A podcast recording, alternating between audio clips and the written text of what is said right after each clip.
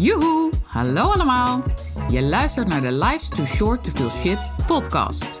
De podcast waarin ik alles met je deel over hoe ook jij een gezonde buik kunt hebben en houden. Mijn naam is Denise Boon en ik ben orthomoleculair darmspecialist voor ondernemers. Hoe hou je de dierentuin in je buik onder controle, zodat jij de regie hebt over je buik en je alles uit je leven kunt halen wat je wil? Zoals knallen met je business, met energie voor 10. Ik neem je mee op reis, want let's face it, life's too short to feel shit. Alright, daar zijn we weer. We zijn bij de zestiende aflevering van de Life's Too Short to Feel Shit podcast. En jij bent er ook weer bij. Dat vind ik super tof. Waar gaan we het over hebben?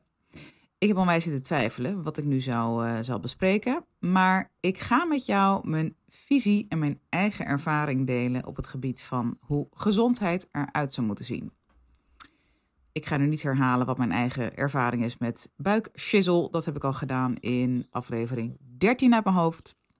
Dit wordt meer uh, wat mijn visie is op hoe gezondheid idealiter eruit zou moeten zien.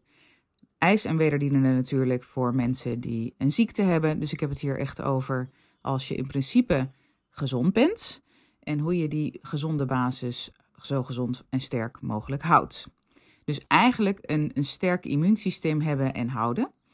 Um, en daar heb ik zelf best wel wat ervaring in. Nou, de achtergrond dus van mijn eigen ervaring met darmgezondheid en vermoeidheid, et cetera. En een maanlandschap als huid, dat kun je allemaal naluisteren in aflevering 13.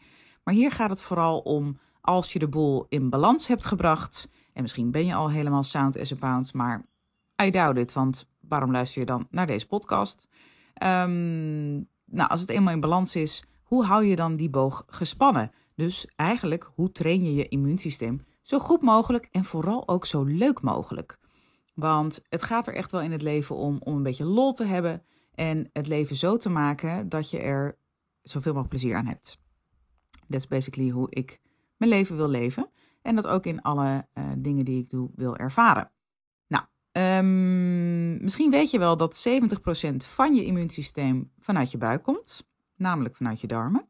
Darmbacteriën spelen daar een enorm belangrijke rol in. En eigenlijk zeg ik het niet helemaal goed, want het zijn niet alleen je bacteriën, maar het is die hele dierentuin hè, die daar leeft. Het microbioom, jawel. Daar horen alle holbewoners uh, toe. En uh, de mix daaraan hè, en de samenstelling daarvan, die bepalen hoe sterk die boog is. En dat dus alleen al voor 70% Dat is best wel veel. Dus het is eigenlijk ontzettend belangrijk om die buik in balans te houden. Hoe doe je dat nou? Je ziet mij misschien regelmatig, als je me tenminste volgt op Instagram, in mijn stories dingen delen over. Uh, nou, heel vaak lunch ik met iets van groenten. Doe er altijd wel iets, iets anders bij van een cracker of een. een uh, nou, brood eet ik niet zoveel. Een, een wrap of. Uh, ik kom maar even niet op, maar meestal iets van een cracker of zo erbij. En de ene keer is het een soepje, de andere keer is het een, um, een wokmix die ik erin knal. Of een leftover van de avond ervoor. Het is van alles wat. Dat varieert echt uh, met de dag. Variatie is ook een hele belangrijke. Heb ik volgens mij ook al in een eerdere podcast gedeeld. Maar dat komt zeker vaker terug. Dus varieer zoveel mogelijk in alles wat je doet. Zeker met wat je eet. Want dat houdt sowieso je immuunsysteem heel erg, uh, heel erg sterk. Maar um, wat dus ook heel erg belangrijk is, is om er wel een beetje lol aan toe te voegen. Nou zeg ik niet dat gezond eten en groente prakken en zo geen lol betekent. Is ook namelijk heerlijk. Kwestie van wennen als je er niet zo van houdt. Een van mijn klanten die eh, ik nu begeleid, die at bijna geen groente en ook geen fruit. Die is helemaal omgeturnd. En eh, ik wil niet zeggen dat hij er enorm van houdt. Dat, dat denk ik nog niet. Maar het zit wel al meer in zijn systeem. En hij merkt er ook al de voordelen van. En op een gegeven moment is het gewoon echt een kwestie van gewennen en gewenning. Om, uh, omdat je dan merkt dat je er gewoon beter door voelt. Dus even doorzetten. Maar het kan wel met een, uh, een, een ongezonde punt op de i. Dus daarom zeg ik vaak: doe een gezonde basis met een ongezonde punt op de i. Dan doe je het eigenlijk heel goed.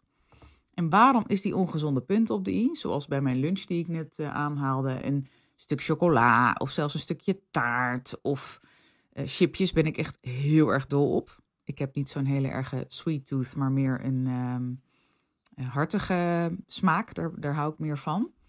Dan moet ik zeggen dat de laatste tijd het best wel meevalt. Maar uh, over het algemeen ben ik best wel een chips lover. Nou, dat kan dus ook zijn dat je bijvoorbeeld een soepje neemt en een cracker en nog een, bakje chips erbij. It's all fine by me. Sterker nog, vanuit gezondheidsoogpunt vind ik dat dus een heel goed idee. En dat heeft echt te maken met uh, die gezonde basis en ongezonde punten op die. Niet andersom, hè? wel in deze volgorde.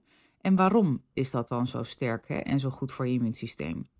Die ongezonde punten op die, wat het dan ook voor je is, die zorgt voor een kleine stressprikkel van binnen. Nu denk je meteen, ja maar stress, dat is niet goed. Nou, allereerst, als we puur kijken naar cortisol zelf, wat hè, het stresshormoon bij uitstek is. Cortisol is gewoon energie. Hm. Even een slokje. Ik krijg een beetje droge mond van al het geklets. um, dus het is helemaal niet iets slechts. Cortisol is de reden dat wij ochtends wakker worden. Dat is hartstikke goed. Maar het moet niet doorslaan in te veel cortisol. Daarover trouwens een andere aflevering binnenkort. Uh, dus cortisol is prima en een beetje stress dus ook. Moet dus niet te veel worden. En dat geldt ook voor die ongezonde punten op die, als die dan zorgt voor een beetje stress. Oftewel letterlijk ook echt wel wat, wat stresshormonen zoals cortisol die aangemaakt worden. Dat is dus juist heel goed. Want dat geeft dus een prikkel aan je lichaam. Waardoor, um, ja, hoe, hoe, hoe leg je dat uit? Um, ik kan misschien beter uitleggen op de volgende manier. Als alles maar doorkabbelt in je leven. Denk bijvoorbeeld aan een, een hartfilmpje, een hartmonitor in het, uh, in het ziekenhuis. Die is wel heel erg uh, lekker uh, veelsprekend, veelzeggend. Als het een flat line is, dus hè, een streep in het midden, dat is geen goed teken. Een heartbeat omhoog en omlaag, dus een piek en een dal, dat is heel gezond. En dat geldt dus ook voor van binnen die buik. Als alles maar steeds heel gezapig hetzelfde is, elke dag komt er dit langs, elke dag komt er dat langs, hoe gezond ook, er moet gewoon echt af en toe zo'n piek en een dal zijn. Want juist door een, een, een, een dal kan er daarna weer een piek komen. Anders blijft het allemaal maar een beetje een gezapige toestand. En ik weet niet hoe jij in het leven staat. I don't do gezapig. Beetje avontuur graag, een beetje plezier graag. En dat is, de grap is dus ook dat dat dus ook heel erg sterk is voor je immuunsysteem. Dus juist dat chipje of dat stukje chocola zorgt dus intern van binnen echt voor een klein beetje stress. Maar als het maar blijft bij een klein bakje, hè, niet een hele zak natuurlijk, of uh, één of twee stukjes chocola, of dat ene kleine stukje taart, helemaal top. Ga dan niet drie keer per dag dat doen, maar bijvoorbeeld bij je lunch, kies je momenten. Doe iets wat je normaal als tussendoortje neemt als een toetje aan het eind van je maaltijd. Want ik ben wel groot voorstander van drie maaltijden max per dag. Sommige mensen volstaan uh, met twee maaltijden. Hè. Bijvoorbeeld als je intermittent fasting doet. Hangt ook heel erg af van je metabolisme en je, uh, ja, de kracht van je spijsvertering. Maar uh, laten we even uitgaan van een gemiddeld persoon. Dan zijn drie hoofdmaaltijden voldoende. En als je dan denkt, ja, maar daar gaat mijn chocolaatje tussendoor. Of mijn koekje bij de thee. Of whatever makes you tick. Verplaats het dan dus echt als een toetje bij je hoofdmaaltijd. Kan een enorme gamechanger zijn. Misschien denk je nu, ja, daar moet ik echt niet aan denken. Want ik heb die tussendoortjes nodig. Geloof me, dat heb je niet. Proberen, doorzetten. Heb je trek, dan drink je maar wat water of thee tussendoor, ook goed. Gewoon doen. En pas als je het hebt gedaan, volgehouden een aantal dagen of een week, dan kun je pas erover oordelen of het voor je werkt of niet.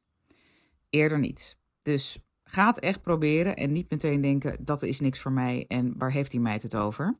Want wat ik zo ontzettend vaak hoor van mijn klanten, is dat ze zeiden: in het begin moest ik er niet aan denken en dacht ik dat hou ik nooit vol.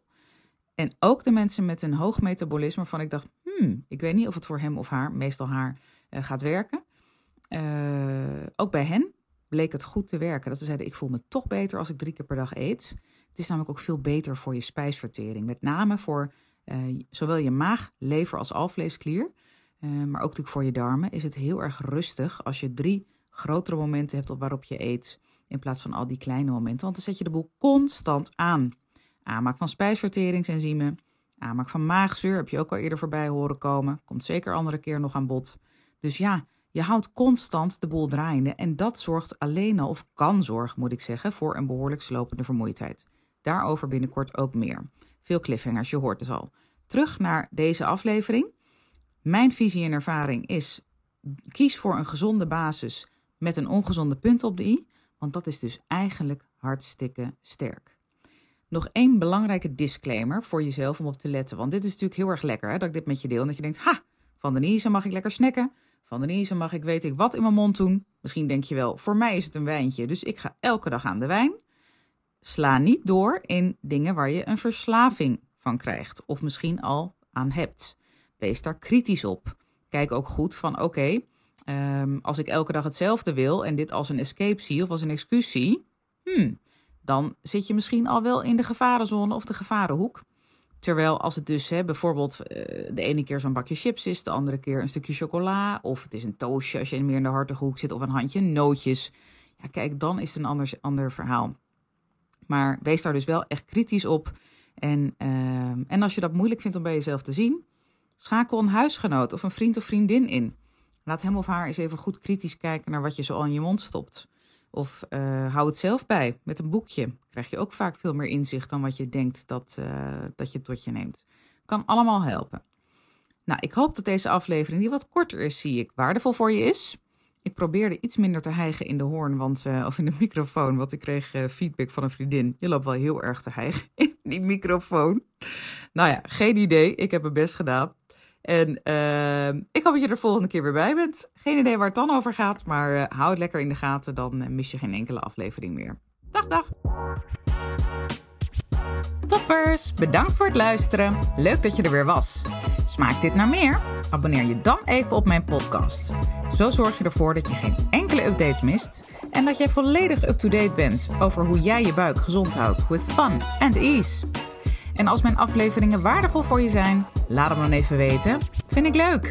Je maakt me het meest blij met een korte review via iTunes of Spotify. Alleen het aantal sterren aangeven dat jij de podcast waard vindt is voldoende. Je kunt me ook taggen via Instagram. Bijvoorbeeld door een screenshot te maken van de aflevering en die via je verhalen te delen. Met beide dingen, zowel de rating als de screenshot van de aflevering, maak jij kans op een histamine maandmenu kookboek te waarde van 97 euro. De winnaar maken we bekend in de eerste podcast van de maand. Tot de volgende keer!